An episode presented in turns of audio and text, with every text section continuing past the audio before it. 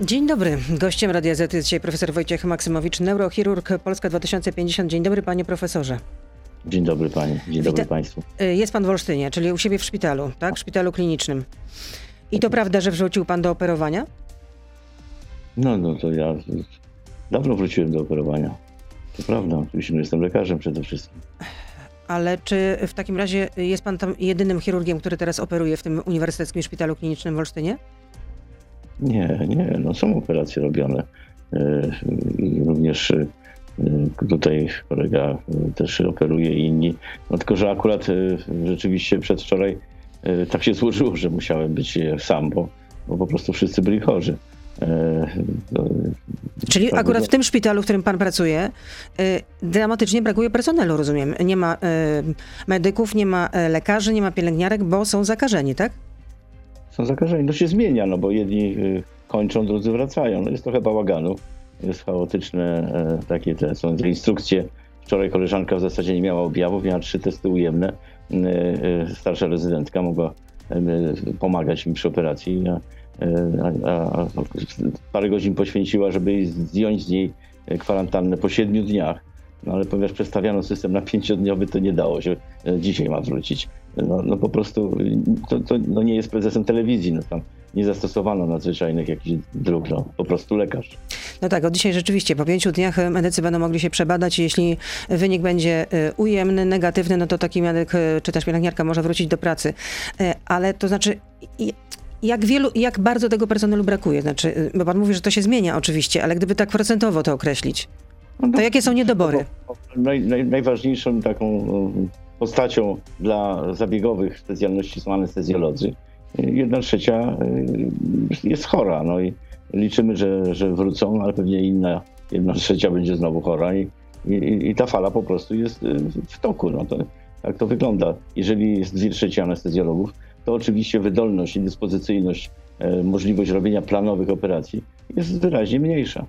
Czyli rozumiem, że planowe operacje się odwołuje, tak? A ile takich planowych które, operacji które, odwołano? No, są takie, no ja na przykład operowałem e, e, przedwczoraj e, duży nowotwór mózgu, no to tego nie odwołujemy, tak? No po prostu e, skupiliśmy się na tym, ale już anestezjolog przez cały dzień był, musiał być przy tej operacji. E, wczoraj e, musiałem pomóc chorej, która miała straszny ból i zrobić zabieg, który niweluje ból twarzy, który jest nie do wytrzymania. No to, to mimo, że to nie jest to prawda, z tego powodu się bezpośrednio nie umiera, no to każdy rozumie, że że e, e, przepis przepisem, ale taką osobę też traktujemy jako, jako pilną. No i, i anestezjolodzy podeszli do tego ze zrozumieniem. A jak wygląda sytuacja w innych szpitalach, chociażby e, w województwie warmińsko-mazurskim? Czy pan ma jakąś wiedzę na ten temat? No wiem, że jest dosyć podobnie. Takie informacje z innych szpitali właśnie dochodzą. No, największy szpital wojewódzki również boryka się z podobnymi kłopotami, podobna jak i moja neurochirurgia dosyć y, podobnie też. No, też nie ma, nie, nie ma 100% y, składu i to się ciągle zmienia. No, dzisiaj już mamy cztery osoby wróciły, prawda, no ale były, są chwile takie właśnie, które, które są trudne. A głównie anestezjologia, instrumentariuszki te kluczowe dla zabiegowości. No i pielęgniarki w ogóle na oddziałach też. No. Budzik, który jest też pod naszym nadzorem dla ciężko chorych, prawda, ze śpiączką. No, no też, no w sobotę tam zajmowałem się chorymi i okazało się, że jeden z chorych też ma, jest dodatni, no, trzeba było izolować, no, przenieść, prawda, ktoś z personelu też był chory. Rodziny są bardzo ważnym elementem terapii tych chorych, a niestety trzeba ograniczać ich wejście. No tak, bardzo dużo kłopotów. Wojewoda Małopolski już tydzień temu zwrócił się do Ministerstwa Zdrowia z takim zapytaniem o ewentualne regulacje w sprawie pracy zakażonych e, koronawirusem medyków, żeby na oddziałach covidowych mogli pracować lekarze, którzy przechodzą, są zakażeni, ale są bezobjawowi, jeśli są tam braki kadrowe. Czy to byłoby rozsądne? No nie, no, no po prostu jeżeli ktoś już jest bezobjawowy i ma ujemny wynik, no to wtedy powinno to być szybko. I, i te nowe przepisy o pięciodniowych przy tym omikronie y, sprawdziłyby się. Tylko po prostu no, jak zwykle to z pewną bezwładnością działa. A tutaj nie było czasu już na bezwładność, więc Główny problem, że te przepisy powinny wszystkie powstawać z dużym wyprzedzeniem, a one powstają reaktywnie. Jak już było widać, że jest problem, to się trzeba zmienić przepis. I, i, Czyli rozumiem, że to skrócenie kwarantanny należało wprowadzić y, dla służb medycznych i mundurowych należało wprowadzić dużo wcześniej, tak? To kiedy? No, na przykład y, trzy tygodnie temu, ale wprowadzić, tak? To znaczy już, żeby funkcjonowało, a nie tak, że Czyli z początkiem roku na przykład powinny być y, skrócona ta, ten okres izolacji, bo to jest izolacja dla, no. dla medyków. Tak, no tak, tak już było wiadomo o, o mikronie i jego charakterystyce, że tak może być, ale no również jest y, sprawa e, e, tych szczepień obowiązkowych, tak, no, e, one uchwalono, że medycy muszą być wszyscy wyszczepieni, ale to dopiero od 1 marca ma wejść. No to tak naprawdę, no oczywiście niektórzy, którzy jakoś tam mają jakieś swoje oddzielne poglądy, na szczęście wśród medyków jest to niewielki procent, Y, oni będą do końca zwlekać. No, także y, to Czyli problem. to też za późno, rozumiem, tak. że, że te obowiązkowe szczepienia dla, no, dla kadry medycznej. Powinno być dosyć szybko wprowadzane, a nie takie długie okresy. Postulowaliśmy też przecież i to jeszcze tydzień temu, we wtorek, e, osobiście wręczałem premierowi Morawieckiemu. On przekazał to ministrowi Dworczykowi czasie tego spotkania w kancelarii premiera e, nasze uwagi, między innymi te poprawki, które liczne zgłaszaliśmy do poprzedniej ustawy KOCA, która zresztą została rzucona do kosza. Do zniszczarki, do zniszczarki, tak. po prostu. Mm. A, no i, i, tam były takie na przykład, że właśnie chodziło o nauczycieli też, no, to obowiązkowość w pewnych grupach, no, dom pomocy społecznej, personel, który tam pracuje, żeby ograniczyć y, y, ich chorobowość, y, no bo, bo, bo potem wypadają, no to jest ten problem. Ciężko, jeżeli, jeżeli jest lekko, tak jak teraz widzimy, ta młodzież moja, rezydenci, właściwie 5 dni przechorują, 3 dni nawet przechorują i potem wracają. Są bardzo ciężko na początku, jeden dzień powiedzmy, tak jest najczęstszy przebieg, a potem wracają, no to, to, to nie jest to dezorganizacja, ale przecież osoby w starszym wieku, jeżeli się nie zaszczepią, no to, to mamy tutaj oddział covidowy również, prawda? I codziennie wyjeżdżają też e, te pojemniki na zwłoki. A czy istnieje takie ryzyko, że będą nas leczyć zakażeni lekarze? Jak będzie tak brakowało dramatycznie e, personelu? Czy nie ma takiego ryzyka? No znaczy, no jest, nie jest duże na szczęście, znaczy, ponieważ e, choroba się bardzo rozszerza szybko, to, to można nie wyłapać tych, którzy są, mają objawy, ale lekarze jednak wiedzą, jaki objaw no, kataralny, jakiś przeziębieniowy może dawać to i natychmiast y, no, w dyspozycji są testy antygenowe na miejscu. Ale one często nie łapią tego na początku, a na PCR jest, jest problem, tak? Czyli na samym początku antygenowe nie wyłapują i na koniec też, jeżeli szybko przechodzi, to, to ten zanika ten, ten antygen. Y, więc jak się strzeli w ten moment środkowy. Więc mamy parę osób, które są ujemne, ale wiedzą, że, że no, mają takie same objawy jak ich koleży, których uchwycono ten moment i, i nie przyszli do pracy. No i, to, i słusznie, no bo e, myślę, że za trzy dni przyjdą i będzie ok. To w jakim punkcie teraz, jeśli chodzi o piątą falę e, pandemii, my jesteśmy teraz? No wzrostową. No, dzisiaj pewnie zobaczymy to na raporcie ilości zakażeń. E, wczoraj było więcej niż przedwczoraj, ale jeszcze nie tyle, ile w zeszłym tygodniu maksymalnie. Myślę, że, że jesteśmy we wzrostowej, ale dosyć szybko to się pnie. E, także nas czeka jeszcze rzeczywiście przekroczenie pewnie 100 tysięcy dziennie.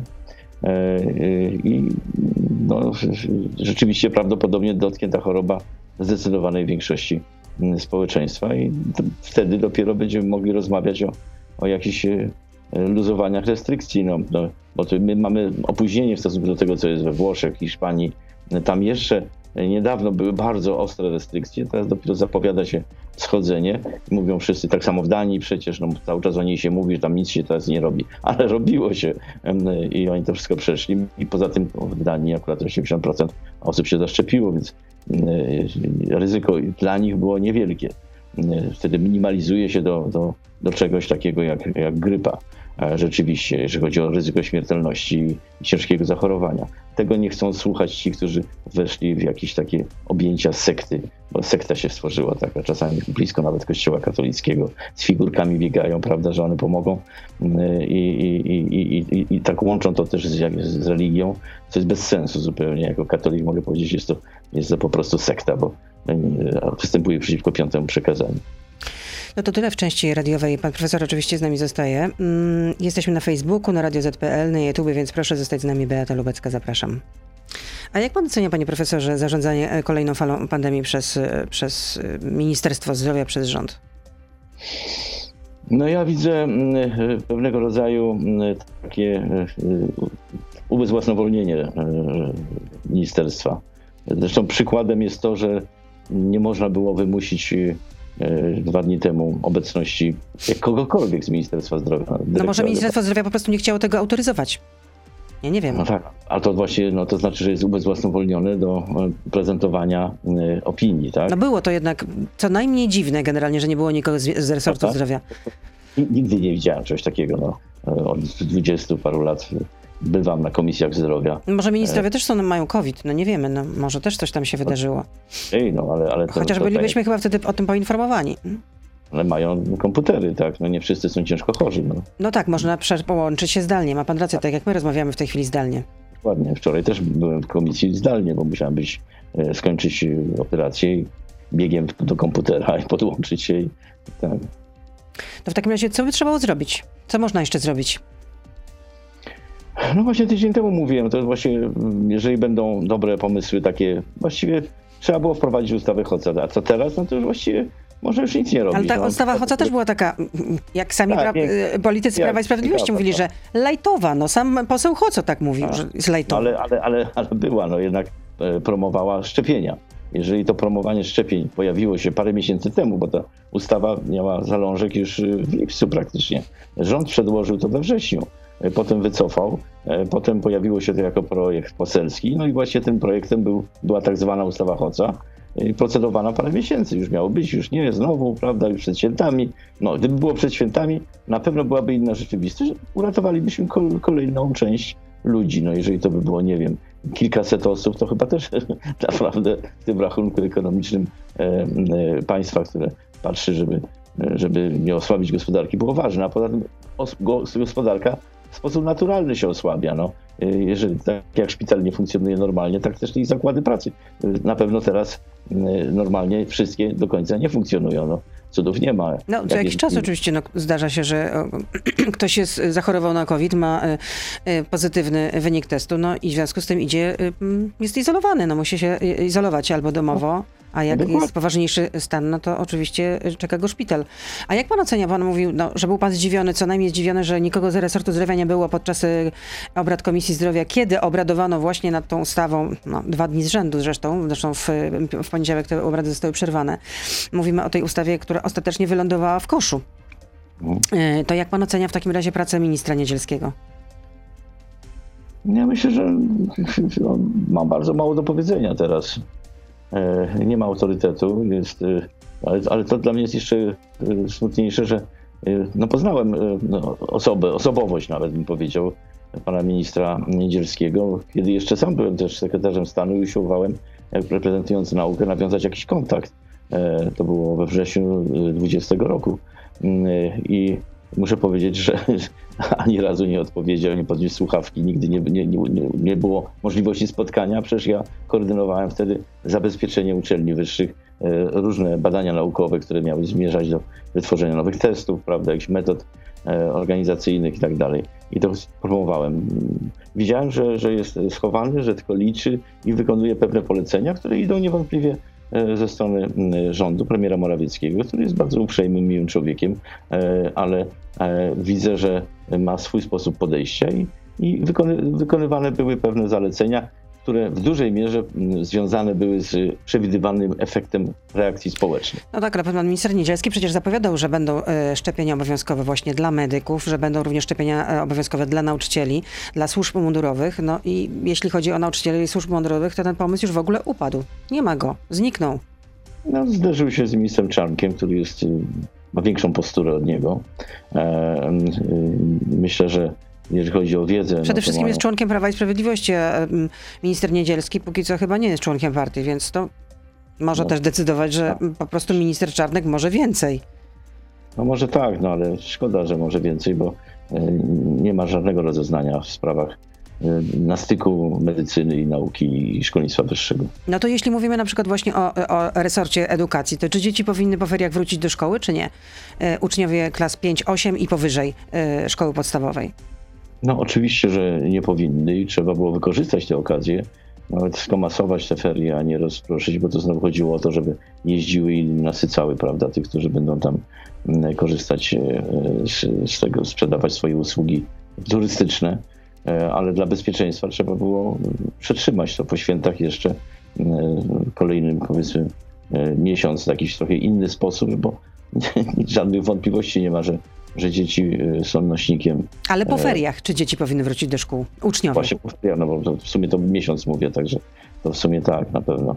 E, e, niby się to szerzyło, troszkę można było to spowolnić. A jak się spowolni, to jest mniej chaosu, mniej dezorganizacji. Czyli ferie powinny były być skomasowane przez dwa tygodnie generalnie, tak? Y, pana zdaniem. No ale tak nie jest. No, są róż, różne terminy w różnych województwach. No i dzieci, jak już wrócą, te ostatni turnus, jak się zakończy, to co? To uczniowie powinni wrócić do szkół, czy jednak powinna być utrzymana nauka zdalna? Bo pan minister Czarnek raczej sugeruje, że będzie powrót do, do szkół. No tak, no, jesteśmy na wzroście fali, tak? E, tak można by sugerować, gdybyśmy kończyli falę w ogóle, tak? No to jest za jakiś no, ponad miesiąc. Więc ja nie mówię, że, że w ogóle mają się nie uczyć, ale ale po prostu rzeczywiście no, widać, sytuacja przymusza. Minister Czarnek był absolutnie przeciwny zdalnemu nauczaniu w tych starszych mm, klasach, e, a jednak musiał to zrobić, no bo po prostu inaczej nie dało się. Ale maluchy chodzą przecież, e, tylko akurat e, ta, ta grupa 5-12 lat jest, tam jest najmniej zaszczepionych. Tak, tak. No. To, jest, to jest ten element tego, żeby rodzice no, mają najwięcej kłopotu z małymi dziećmi, nie mogą ich samych zostawić w domu i żeby dalej e, była ciągłość pracy. No może o to chodzi też, żeby przecież wypłacano zasiłki opiekuńcze, przepraszam bardzo, rodzicom, którzy opiekowali się e, e, swoimi pociechami, które uczyły się zdalnie właśnie.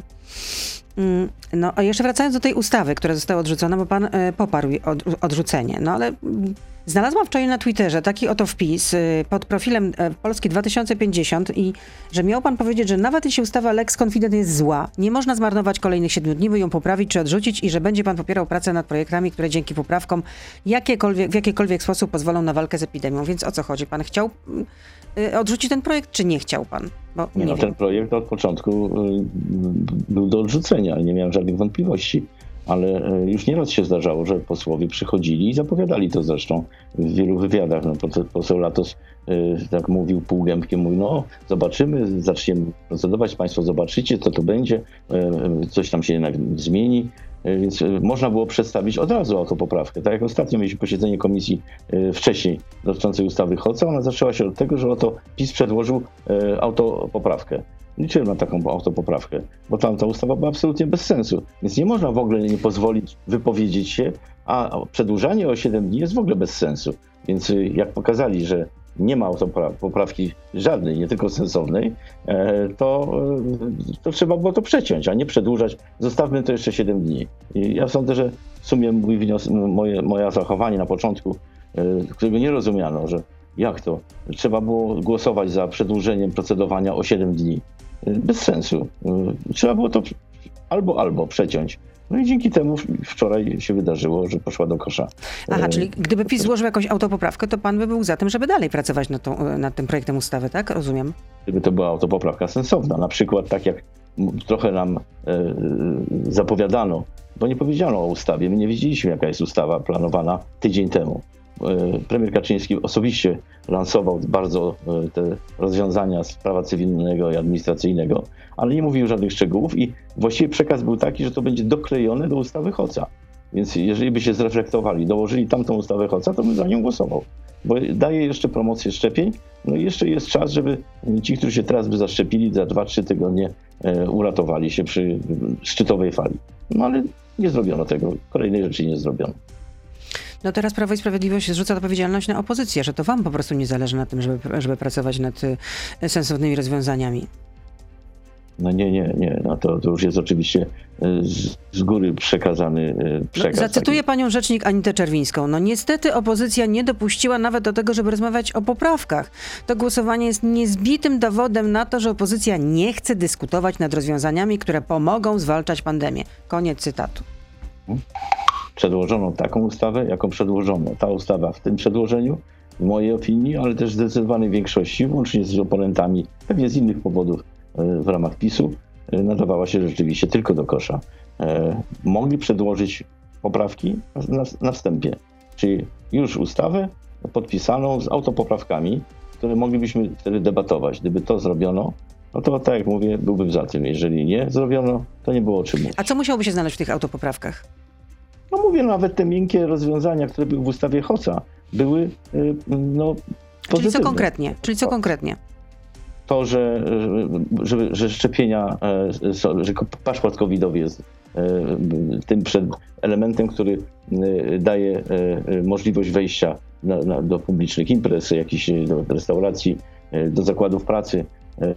To, to, to jest właściwie zupełnie spokojnie, normalnie, bo mam przecież relacje z, od kolegów z zachodu, tylko się granice przekroczy, tam już bez żadnych, bo cały czas mówiono o tych strasznych protestach. No były jakieś protesty, zawsze są, u nas to nie ma, e, e, tylko u nas są zanim cokolwiek powstało. A tam były protesty, rządy odpowiedzialnie wprowadziły zasady, grzecznie to się robi, na stokach narciarskich ludzie jeżdżą, e, e na kanapach wjeżdżają w maskach, jak ktoś jest bez maski, e, to e, dostaje mandat poważny, jeżdżą policjanci na tych, tych stokach i sprawdzają, czy tak jest. Nikt się nie buntuje, i jest okej, okay, no, normalne. To, i, i, szerzenie jest e, ograniczone. Jak widzimy, e, owszem, dochodzi do zakażeń, ale one są kontrolowane. No po prostu takich sytuacji, tylu ludzi umarłych na, na milion mieszkańców jak u nas w ostatnich miesiącach nie było. Rzeczywiście to jest, to jest horror. I, I nieakceptowalne zupełnie. Świadczy o słabości organizacji państwa. No, z kolei według pan, e, prezydenta Andrzeja e, Dudy wszystko wskazuje na to, cytuję pana prezydenta, że ta nowa odmiana koronawirusa, chociaż jest bardziej zaraźliwa, to jest to łagodniejsza i uwaga, powoli zaczyna się to przeradzać w miarę normalną grypę. Pan podziela ten pogląd, że to tak w miarę normalna grypa to już jest? Czy też przeradza się to w miarę normalną grypę? Kto tak powiedział, przepraszam? E, pan prezydent Duda wczoraj podczas obrad Rady Dialogu Społecznego. No, czasami dobrze, żeby pan prezydent się nie wypowiadał. E, to już kolejny raz osłabia jakąś mobilizację i zrozumienie przez ludzi tego, co się dzieje, nie mając zielonego pojęcia. To jest życzeniowe patrzenie. Oczywiście, e, tak jak też powiedziałem, no, jak już wszyscy przechorują, ta fala minie, e, no to prawdopodobnie e, ta odporność, prawdopodobnie, też nie jest pewne, będzie na tyle powszechna, że przez jakiś czas, jeżeli nie pojawi się jakaś zupełnie nowa mutacja, która przeskoczy te bariery odpornościowe, no to można będzie myśleć Y, jak, jak o grypie, tylko że gryp, o, o, grypie, jak się myśli poważnie, to tak jak ja robię, od 20 paru lat się szczepię co roku na, kolejną odmianę. No I powtarzam to, w tym roku też się szczepiłem, bo przecież jak się nałoży grypa na to, to, nieszczęście. A pan prezydent pamiętam, że mówił, że ha, obowiązkowe szczepienia tak, na grypę na przykład, to ja, ja się nie szczepię, prawda? Jestem taki macho. No to jak jest taki macho, no to, to, to, to to, to już nie, prezydent tak nie powinien powiedzieć. Chyba nie słyszałem, żeby prezydent w innych no, Ale teraz zachęca do szczepień jednak przeciwko COVID-19. Zachorował po raz kolejny już po, y, po szczepieniu, chyba też nawet przyjął trzecią dawkę i mówił, zachwalał to, że właśnie, że to, że to y, sprawiło, że przechodził niezwykle lekko po prostu to, no, to zakażenie COVID-19. A jaki ma pan, na przykład ma pan pomysł na to, że czy, co zrobić, żeby promować szczepienia, żeby jednak zachęcić tych, którzy nie chcą się szczepić, bo to wygląda wygląda, że po prostu no, dobijemy co najwyżej do 60% zaszczepionych i to już chyba raczej się nie poprawi. No i tutaj właśnie upatrywałem jedyny taki aspekt, ale prawdziwie pozytywny ustawy Hoca, że wymagając paszport covidowy, to jest prostą sprawą. No, ja chciałem pójść do filharmonii, e, miałem komputer w telefonie i tym wydrukowałem też taki, składa się to ładnie, jest flaga europejska, po, po, napisane za, po zagranicznemu, że, że jest to paszport, że to jest, potwierdza szczepienia. I, i, I, to oczywiście wymóg tego, no, jak ktoś chce wyjechać na zachód, to, to już wymusza, tak? No bo jest rygor, że musi to być. No jakby u nas musiało być, to albo zamiennie testowanie, to jest bardziej uciążliwe, to było w ustawie Hoca, no, no to ludzie by się częściej szczepili. No i następna sprawa to jednak powszechność tych, którzy mają duże oddziaływanie. Muszę powiedzieć, że oczywiście e, wiedziałem o tym sympozjum sobotnim e, e, w Toruniu, organizowanym przez e, Rydzyka e, i, i, jego szkołę, I, ale nie wiem, że tam były kontrowersyjne bardzo wystąpienia. E, nie mogłem tam pojechać, bo, bo, nawet kusiło mnie, żeby tam wystąpić i powiedzieć swoje, ale po prostu musiałem być w szpitalu. Natomiast o dziwo bardzo porządnie wystąpił ojciec ryzyk, tak? Wszyscy o tym słyszeli chyba, że mówił, że się strzepił i to trzy razy, bo słucha mądrych porad lekarzy. No, to częściej było przez każdego proboszcza tak wypowiedziane, e, oddziaływując na swoich wiernych, to myślę, że uratowalibyśmy kolejne tysiące ludzi. Czyli rozumiem, że y, rząd powinien był jednak, y, mówiąc tak kolokwialnie, dogadać się z episkopatem, tak? Żeby Kościół włączył się, żeby Kościół aktywnie włączył się w promocję szczepień, tak? Zdecydowanie tak? tak. Zdecydowanie tak. No, ja, ja mam doświadczenie, bo w sytuacjach trudnych na samym początku, kiedy jeszcze ta mobilizacja rządu była większa, osobiście rozmawiałem z niektórymi hierarchami, z zakonnikami. E, wspaniały oddźwięk miałem ze strony kardynała Nycza, spotkałem się z nim osobiście. E, e, potem był apel prymasa Polski. Tylko coś się porobiło właśnie, dlatego mówię o sekciarstwie, bo, bo coś się porobiło, że głosy odpowiedzialnych ludzi z hierarchii nie przebijają się czasami przez głosy ludzi, którzy no, biegają z figurką do, na Nowogrodzką, mówiąc, że to, to ta figurka pomoże, uratuje nas i, i dlatego nie, nie szczepmy się, bo oddajmy się tutaj Bogu tylko. To jest, to jest herezja, to jest po prostu zwykłe sekciarstwo. Michał pyta, czy podziela pan, e, panie profesorze, niektóre opinie wiceministra Kraski, że leczenie e, ludzi zakażonych przez telefon, a nie zapraszanie ich w godzinach popołudniowych do przychodni po wizytach osób zdrowych, mogło doprowadzić do wielu cięższych przypadków i nadmiarowych zgonów? E, to było wprowadzone w pierwszej fazie, przy tych pierwszych trzech falach i wiadomo było, że grozi dezorganizacja opieki właśnie nad chorymi i jako rozwiązanie było bardzo słusznym rozwiązaniem, ponieważ to były ogromne liczby chorych i niemożliwe było udzielić im pomocy. E, no teraz minister Kraska po prostu chciał uzasadnić ten projekt, który był przygotowywany i, i tam taki element się pojawił, obowiązku wizyty. Trzeba powiedzieć, że on był absolutnie abstrakcyjny.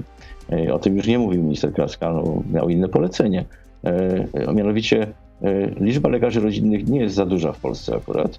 Y, y, to są ludzie po 60, czyli można sobie wyobrażać, że część z nich już też będzie chora, tak jak z naszymi anestezjologami, czyli pewnie nie, nie, nie, nie 100%, a 2 trzecie będzie pracować w danym momencie.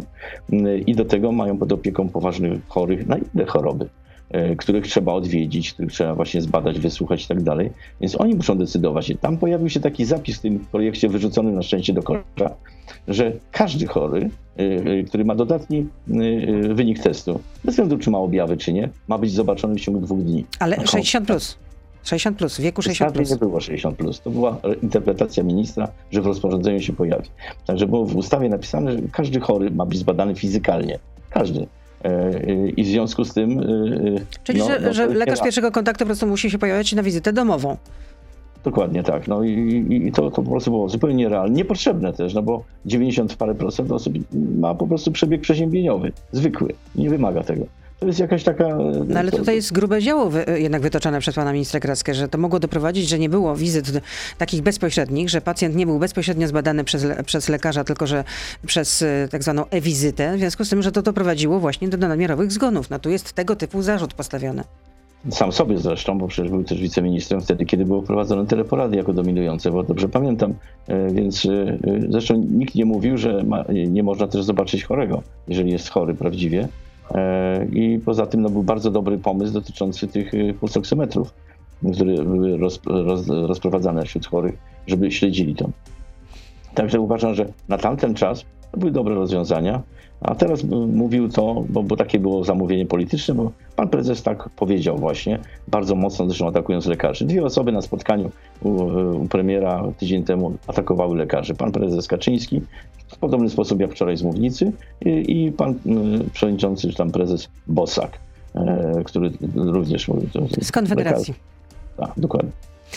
Kolejne pytanie słuchacza. Czy pan profesor nie sądzi, że w Polsce można by zastosować wariant duński i zrezygnować m.in. z maseczek? Wiele badań wskazuje, że noszenie maseczek nie ma sensu. W Niemczech noszą maseczki FFP2, czyli takie no bardziej przylegające do twarzy, właściwie tak szczelnie.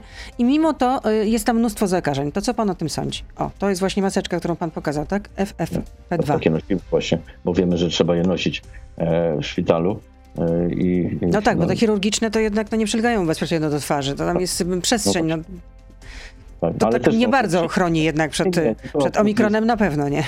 Że, że nie, maseczki jednak jakby nie patrzeć, no z jakiegoś powodu również w czasie operacji zawsze zakładaliśmy maseczki, a nie operowaliśmy bez maseczek. Tak więc to jest dobry pomysł. I nie, nie, to jest nieprawda. Obostrzenia zdejmowane stopniowo, czy to chodzi o maseczki, czy też w ogóle inne obostrzenia, mają sens oczywiście wtedy, kiedy Y, kiedy już y, nie ma zagrożenia bezpośredniego. Dania przeszła to, zaszczepiła ponad 80% y, populacji, miała też falę omikronu, schodzi z tej fali i na zejściu fali mówi, że że będzie znosić. We Włoszech to samo. Były ogromne ilości chorych, we Francji, w Hiszpanii bardzo duże ilości chorych, ale mało umierających, ale poza tym mówiono, schodzimy z tej fali. Y, możemy w związku z tym przewidywać, że za jakieś 3-4 tygodnie, jak mówią epidemiolodzy, nie będzie to wszystko potrzebne. No i tak to nas czeka pewnie za jakiś czas, myślę, że za jakieś półtora miesiąca. I kolejne pytanie. Jak się panu podoba, jako osobie odpowiedzialnej wcześniej za szkolenie lekarzy, pomysł Szymona Hołowni, na skrócenie y, studiów medycznych do pięciu lat. Znaczy to jest y, skrócenie y, o ten ostatni rok, żeby, żeby nie występował. To jest jeden z dyskutowanych wariantów. Ja, mnie się nie podoba jako dziekanowi medycyny przez wiele lat swojego czasu i prorektorowi. Czyli pan nie popiera tego pomysłu? Tego pomysłu wprost nie, nie popieram, ale, ale no, rzeczywiście on już występował też kiedy rządziła Platforma Obywatelska i wtedy nawet wprowadzono właściwie 5 lat, a ostatni rok był, miał zastąpić staż. I tak to było. E, to, to, to była przesada jednak. Są takie, politycy mają takie właśnie potrzeby, żeby oto ich działanie genialne, organizacyjne zwiększyło liczbę lekarzy. No, no to wynika zawsze... pewnie stąd, że po prostu jest deficyt, no, jeśli chodzi o, o kadry medyczne. No, nie taki dramatyczny, jeśli chodzi o kadry w ogóle, tak, lekarzy akurat nie taki dramatyczny jak. Jak, jak jest przedstawiane. Pielęgniarek jest dramatycznie i o tym mało kto mówi. E, natomiast trendy jest tak mówić o lekarzu, e, lekarzach i, i to wszystkie partie używają politycznie właśnie. E, jedni mówią, atakują Czyli jeśli chodzi o system kształcenia, powinno pozostać tak, jak jest, rozumiem, tak? Że, nie, że nauka powinna trwać 6 lat, tak? Uważam, że tak. No, to, A tak dlaczego to jest takie ważne? No bo zakład, tak jak pani premier Kopacz zrobiła taki ruch swojego czasu, że mm, zlikwidowała staż, E, były 5 lat, były zajęcia na studiach, a szósty rok e, właściwie zajęcia praktyczne zastępujące staż. I przez jeden rok, e, po, po tych sześciu latach, doszło do skumulowania ilości lekarzy i nagle w jednym roku podwoiła się ta liczba. Oczywiście też podwoiła się liczba studentów wcześniej, w związku z tym trudniej było ich kształcić. Pomysł był generalnie według mnie nieprzemyślany do końca i, i wadliwy, dlatego z kolei jak PiS przyszedł, to skręcił, ale to uważam, że słusznie. Adam pyta, czym różni się oferta firmy Łukasza Mejzy, oferująca cudowny lek z komórek macierzystych od takich ofert kilkunastu klinik medycznych w Polsce? Ja nie znam szczegółów. No wiem, że pan Mejza w ogóle się nie zajmuje medycyną jako taką, natomiast e, zajmował się handlowaniem e, w ramach e, wysyłania ludzi za granicę do ośrodków, które nie, nie, nie są certyfikowane, nie ma pewności co do co one tam podają, jak podają, a do tego jeszcze wymagają ogromnych opłat. Czyli takich no, po prostu kompletnie zaporowych dla, dla, dla ludzi normalnych. E, no i to tutaj był główny problem. Natomiast w Polsce jednak są zasady takie, że jeżeli coś się robi, co jeszcze nie jest powszechne, a jest wiele takich rzeczy, które nie jest finansowanych przez NFZ i mają zupełnie e, realne. No w internecie można znaleźć oferty, na przykład leczenie, znalazłam podanie komórek macierzystych y, na przykład do stawu biodrowego i taka usługa to mm, od 25 tysięcy wzwyż kosztuje, albo na przykład twarz, regeneracja komórkami macierzystymi 6 tysięcy.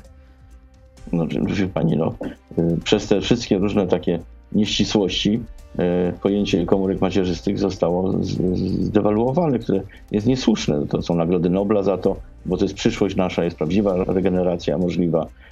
To jest jeden z podstawowych sposobów ratowania ludzi na białaczkę. E, kiedy, e, kiedy e, nie można znaleźć dawcy i właśnie podaje się komórki macierzyste. I to jest akurat jedyna rzecz, która jest w pełni refundowana przez NFZ. A inne, takie właśnie jak na przykład w ortopedii, nie są refundowane. Może te sumy 25 tysięcy, jeżeli się pojawiają, są rynkowe, a nie, a nie związane z prawdziwymi kosztami metody, ale to, żeby podać na przykład dostawu komórki macierzyste po jego oczyszczeniu ma, ma sens. No, są to komórki mezenchymalne, czyli bliskie e, tkance łącznej i mogą wpływać na regenerację tam, gdzie jest jej brak. A jak pan ocenia no, oferowane przez e, prywatne kliniki medyczne w, w, w Polsce cudownego logo w postaci komórek mezenchymalnych, z galarety Wurtona na ponad 100 tysięcy różnych chorób za kilkaset tysięcy złotych. Powiedzmy jeszcze, że czym jest galareta Whartona, bo sprawdziłam, bo też jak to zobaczyłam, to nie wiedziałam, co to w ogóle jest, że jest to substancja, która znajduje się w sznurze pępowiny i jest potencjalnym źródłem dojrzałych komórek ma macierzystych. No tak, no jest wiele źródeł, na przykład tłuszcz nasz własny, e, szpik, e, ale również rzeczywiście jest zewnętrzne, tak żeby nie trzeba było się kaleczyć. E, to co jest po porodzie no, spalane, wyrzucane, no, może być przydatne do takich sytuacji. To jest badane.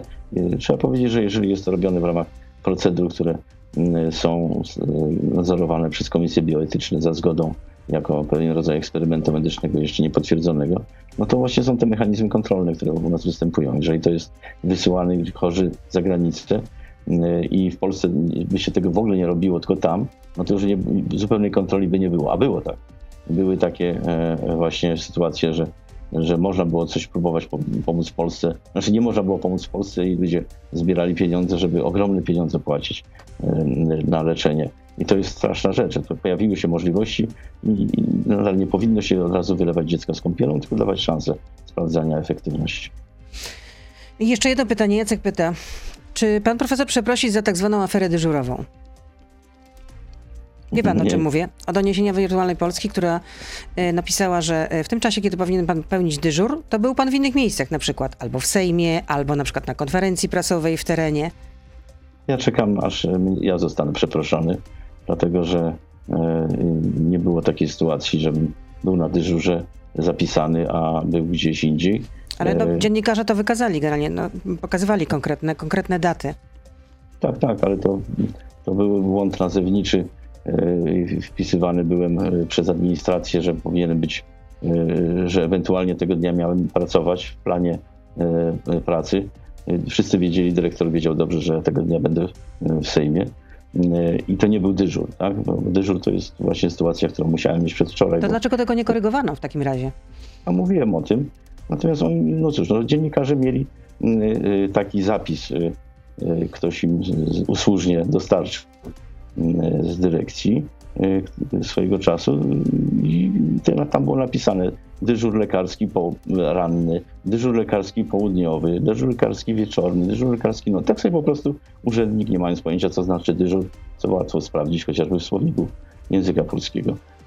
Rozumiem, że jeśli nie ma pana na dyżurze, to nie pobiera pan, e, to nie pobiera pan wynagrodzenia. No, za ten czas, kiedy jestem na dyżurze, tak, no ale oczywiście, że ja pracowałem w zupełnie innych dniach. Zresztą ja pracowałem równoważność mniej więcej pół etatu, żeby właśnie pogodzić te sprawy, o czym dyrekcja też dobrze wiedziała. Y, dlatego też y, pracuję dalej właśnie. Y, I, I pracuję dosyć ofiarnie, bym powiedział, jak widać, i tak samo jak i wtedy też. Dobrze, bardzo dziękuję za to spotkanie, panie profesorze. Pan profesor Wojciech Maksymowicz był z nami, neurochirurg, ale także poseł Polski 2050, ale muszę powiedzieć, przypomnę też, że w przeszłości jeszcze do niedawna w klubie Prawa i Sprawiedliwości, ale bardziej w porozumieniu Jarosława Gowina. No tak było, tak było. Dziękuję bardzo. Zdrowia życzę oczywiście i odporności żelaznej. Kłaniam się. Do usłyszenia, do zobaczenia.